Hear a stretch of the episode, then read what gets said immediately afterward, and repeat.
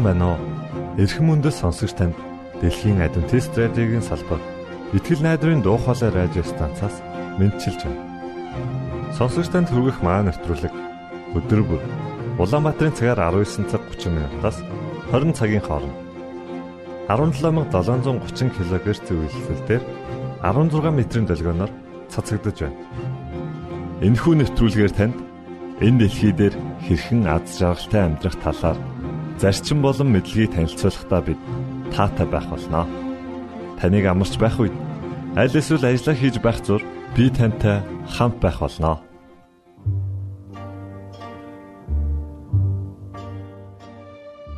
Өнөөдрийн хөтөлбөрөөр боловсрал нэвтрүүлгийн түүхэн хүмүүс цувралыг хүргэх болно.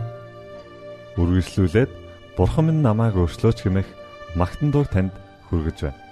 Харин үүний дараа Есүсийн амьдрал хэмээх номыг танд аудио хэлбэрээр хүргэж байгаа лээ.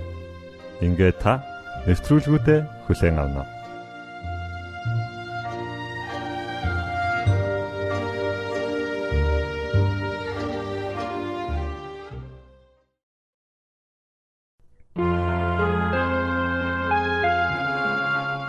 Йоханнес Гүтэнбүрг хэвлэх машиныг нээгч. Яхнес Гүтенбүргийн тухай нарийн тодорхой мэдээлэл бос таамаг төдий зүйлүүд л байдаг. Түүний овгийг чухам хэн гэдэг байсан нь бас л тодорхойгүй бөгөөд төрсөн оныг нь 1400 гэж үздэгч зарим их сурвалжууд дээр 1410 гэж тэмдэглэгдэжээ. Эцэг эхийнхэн тухайд Испаниас Майнцад цагаачлан ирсэн католик шашинтай хүмүүс байв. Страсбургээс гаралтай 1434 оны үеийн би залуу Йохан Генсфлеш Гутенберг байна гэсэн бичиг олджээ. Гутенберг 1420 он хүртэл чухам юу хийж хаан байсан бас л тодорхойгүй. Ойролцоогоор 1429 онд тэдний гэр бүл Страсбург хотод нүүн ирж тэндээ 1444 оны хүртэл амьдарцгаасан байна. Тэнд байх хугацаанд Гүтенберг алтны дархан болсон бөгөөд 1448 онд Майнцад иргэн ирээд хэвлэх машин зохион бүтээхийн тулд өөрийн үеэлээс мөнгө зээлсэн гэдэг.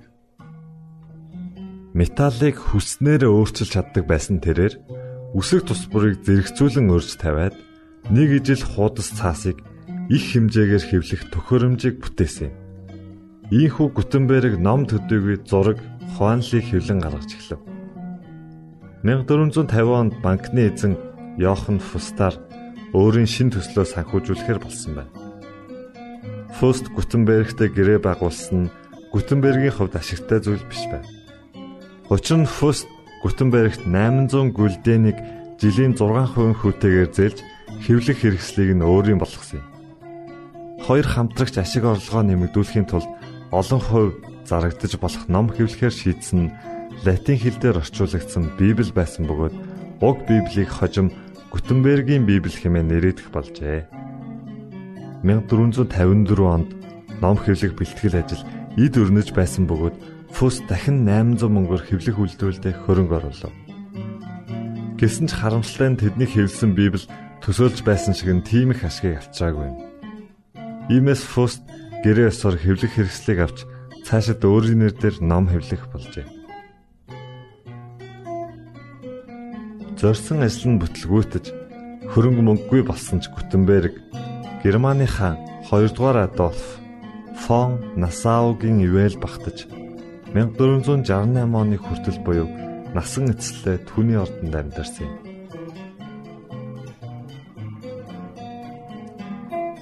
Нийтдээ 1200 хуудас бүхий уг Библийг Йоханнес Гутенберг 1455 онд Майнц хотод хэвлсэн бөгөөд хэвлэлийн ихээ 3 жилийн турш бэлдэж байжээ.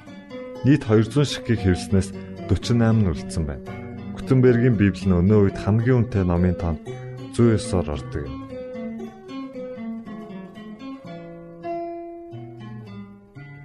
Йоханнес Гутенбергийн түүхэн гавь. Түүний нээлтийг сэргэн мандалтын үеийн хамгийн чухал нээлт гэж үздэг байсан бөгөөд түүнээс өмнө гар бичмлэр болон модон барын аргаар ном хийдэг байв.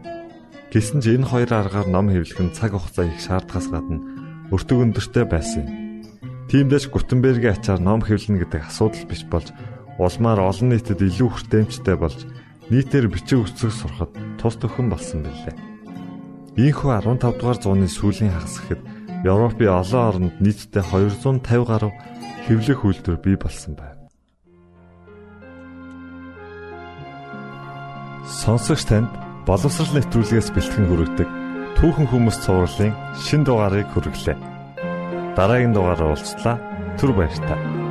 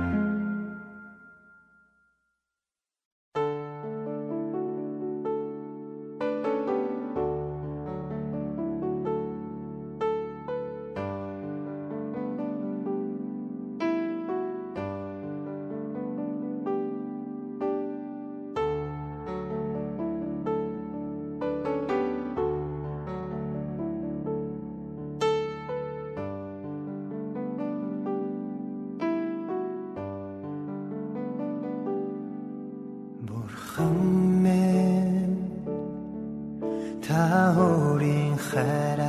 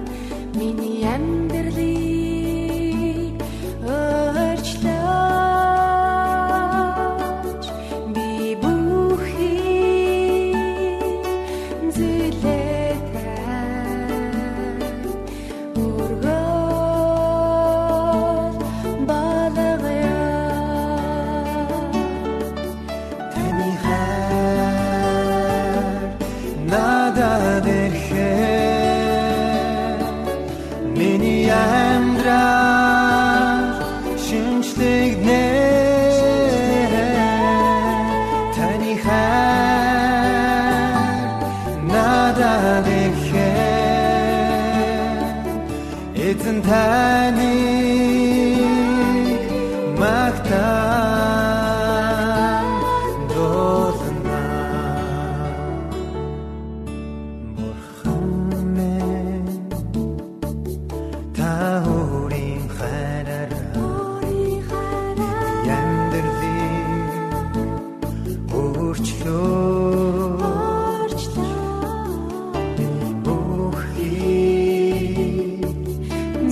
yeah.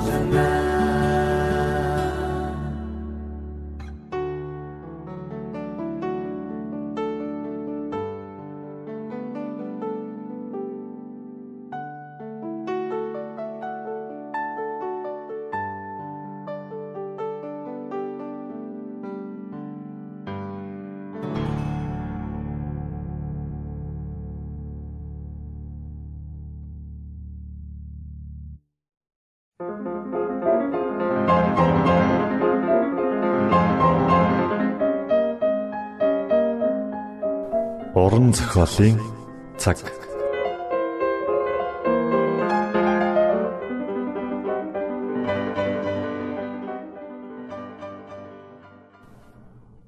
Есүс энэ дэлхийд ирсэн нь Галилийн уул толгодын дунд аших Назар хэмээх бяцхан суурьнд Йосеф Мари хоёр амьдран суудаг байв. Тэд Есүсийн дэлхийд ирэх эцэг эх нь болох болно. Йосеф бол Давид хааны удам. Тэр цагт Ромчууд ард иргэдээс татвар авах тушаал гаргахад Давидын хот болох Бэтлехэм рүү татвараа төлөхөөр Йосеф явах болжээ. Тэр цагт нааш цааш аялна гэдэг амар хэлбэр байсангүй.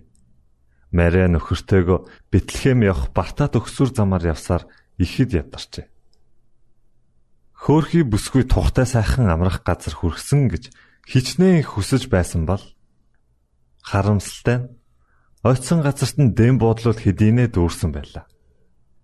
Баян эрх мэдэлтэй нэгэнд тогтой сайхан газар олдож байхад хөөхий энхүү даруухан аялагчд малын сарвч нь хоноглохоос өөр аргагүй боллоо. Тэрхүү малын сарвч нь бидний аврагч Есүс мэдлээ. Ээж Мариан хүүгээ малын твсэнд хэвтүүлв. Ийхүү даруухан твсэнд сүр жавхлангаараа тэнгэрийг гүйвлэгч дээд бурхны хүү нойрсож байлаа. Есүс дэлхийд ирэхээс өмнө тэнгэрлэгч нарын удирдахч байсан. Юутай ч зүйрлэшгүй агуу гэрэл гэгээ цацруулсан тэнгэрлэгч нар Есүсийн алдар суг магтан тунхаглаж байлаа. Хаан Есүсийг сентиндээ сох үед тэнгэрлэгч нар бүгд нүрээ халахлан мэхийн асалдаг байжээ. Тэд түүнийг хүндэтгэн титмээ хөлдөн тавиад түүний агуу хүч чадлыг багтан магтан дуулдаг байлаа. Есүс хаан суудал заларч хаан титэм зөөж хааны нөмрөг нөмрөн эцгийнхээ дэргэд үлдэж болох л байсан. Гэвч бидний төлөө Тэнгэрийн хаанчлалын бүхий л их мэдлээ дэлхийн ядуу аж амьдралаар солих сонголт хийсэн байна. Есүс өөрийг нь хайрладаг Тэнгэрлэгч нар болон хаан суудлаа орхих замыг сонгосон билээ. Тэрээр биднийг хайрлсан учраас хүнд бэрх амьдрал ичгэвтер үхлийг хүлээн зөвшөөрчээ.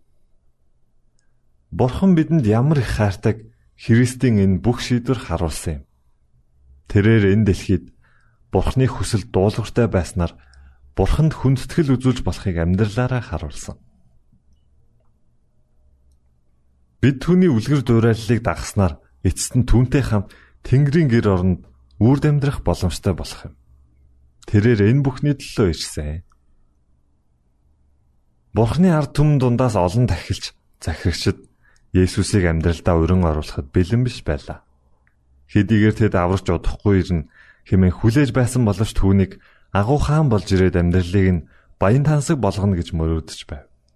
Тиймээс шашны удирдагчид аврагч Месаяг бяцхан хүүхэд мэтэр төсөлж чадахгүй байлаа. Христийн дэлхийд мэндэлснийг тунхагласан сайн мэдэг Бурхан тэдэнд мэддэггүй. Харин хончдод эхлээд энэ мэдээг сонсгосон юм. Тэрхүү хончид сайн хүмүүс байлаа. Хончид шөнөөр хоноо манахтаа амлагдсан аврагчийн тухай ярьж түүнийг эрх талаар чин сэтгэлээсээ залбирч байсан тул Бурхан тэдэнд аврагч ирснийг мэдгэжээ. Гинт эзний тэнгэрлэгч тэдний өмнө зогсож эзний цог жавхлан эргэн тойронд нь гисэнд хончид үлэмжийн айдас давтжээ. Тэнгэрлэгч тэдэнд "Бүү айхтун, харагтун, би бүх ард түмний үлэмж баярлуулах сайн мэдээг та нарт авчирлаа. Өнөөдөр Давидын хотод аврагч эзэн Христ та нарын төлөө мэдлэлээ. Тэжээлийн твшинд байх даавууд өлгийцэн нэлэх хүүхдийг та нар олж харна. Энэ нь та нарт тэмдэг болно гэж хэллээ. Гинт өнөөх тэнгэрлэгчтэй хамт олон тооны тэнгэрлэг дайчид үзэгдэж бурхныг магтан дээр өндөрт алдарн бурханд байх болтугай.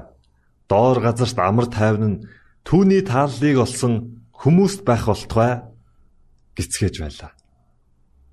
Тэнгэрлэгч нар тэднийг орхин тэнгэр өөд одсон хончид бие биедээ одоо шууд Бэтлехэм рүү очие. Эзний бидэнд мэдүүлсэн зүйл бүтснийг үздцгээе гисгэж байлаа.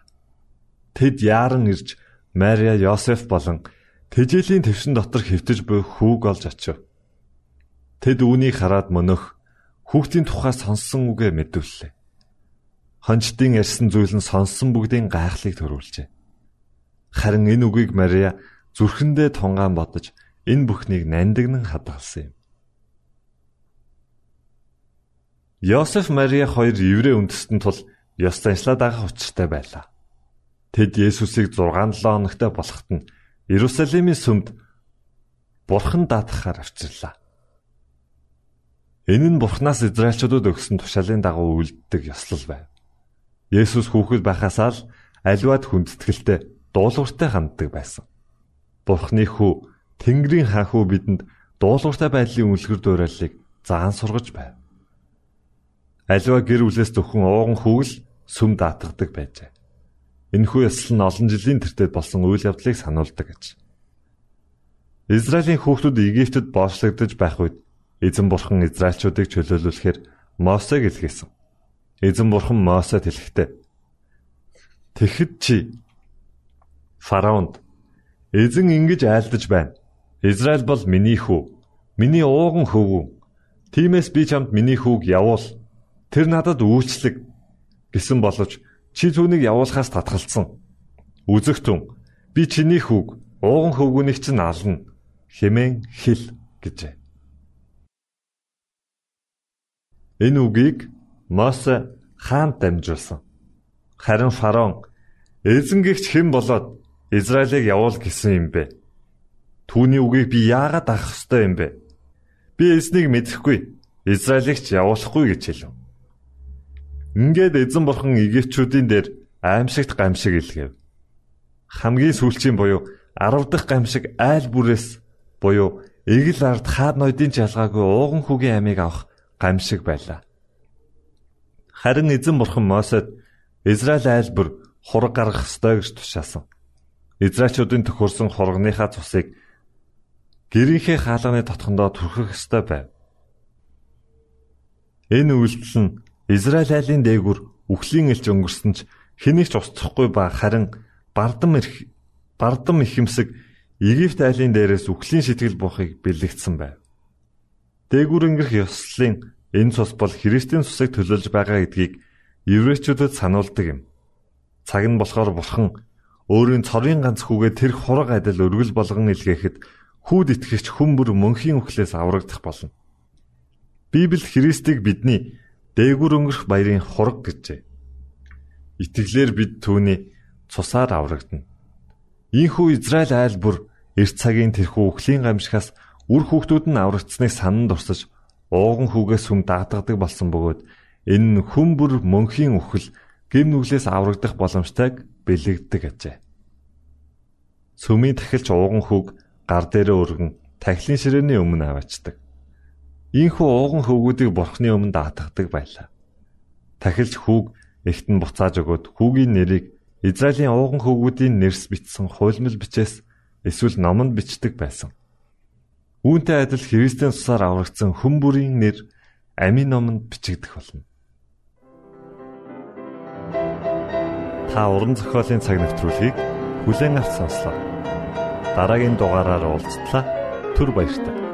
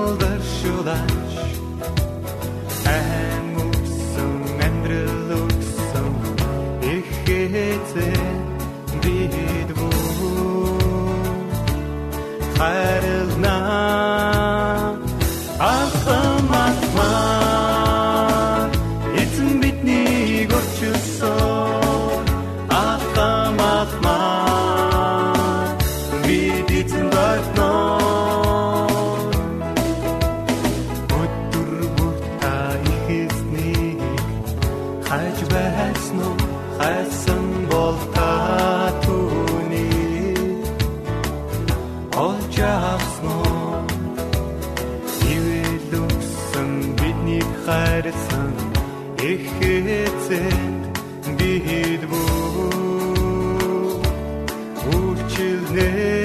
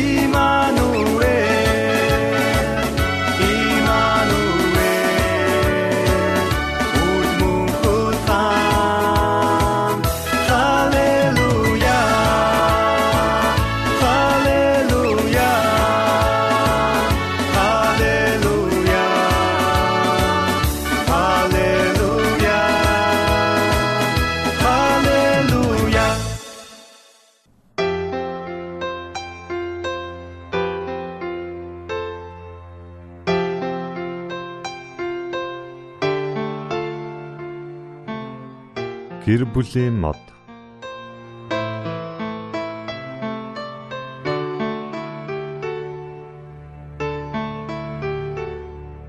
Дөнгөж гэрэлсэн шинхэн хосууд байжээ. Гэтэл тэд хамт амьдарсан эхний саруудаасаа л гэрлэлт гэдэг бол тэдний хүсч мөрөөдөж байсан шиг хэлбэр зүйл биш болохыг нь сайтар ойлгов. Тэд үнэндээ бие биенийгээ маш ихээр хайрладагч Сүүлийн өдрүүдэд бие биенийхээ жижиг алдаан дээрээс аар саад ялахгүй зүйлээс болж үгсөрөх нь цөөнгүй болцгоосон аж. Нэгэн орой хамтдаа суун ярилцаж энэ байдлаа цэг тавих хэрэгтэй гэдгийг ярив. Би биенээсээ салахыг огтхон ч хүсээгүй залуу хсууд ихэд бодлогошров.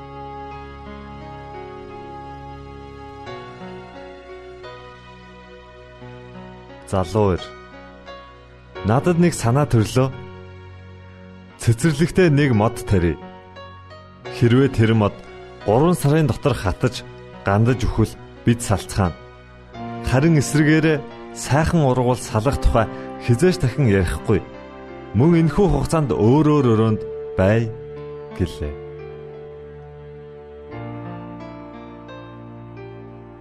Залуугийн энэ санаа бүсгүйд ихэд таалагджээ.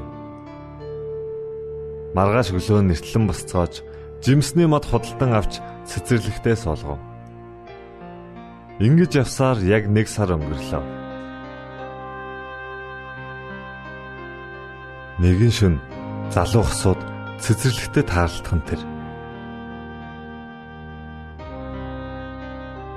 Тэр хоёр хоёулаа устай хувин барин зогсож байв.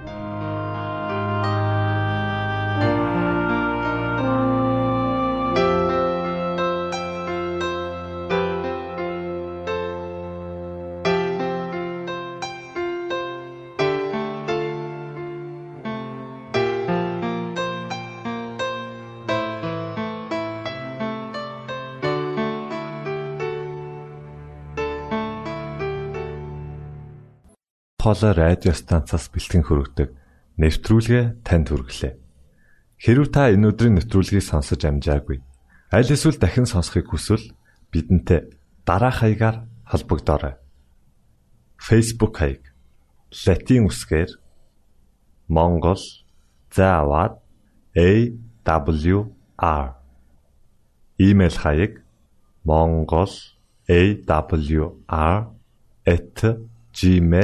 mongol@gmail.com Манай утасны дугаар 976 7018 24 9 Шуудангийн хаяг 16 Улаанбаатар 13 Монгол улс Биднийг сонгон цаг зав аваад зориулсан танд баярлалаа. Бурхан таныг бивээх батугай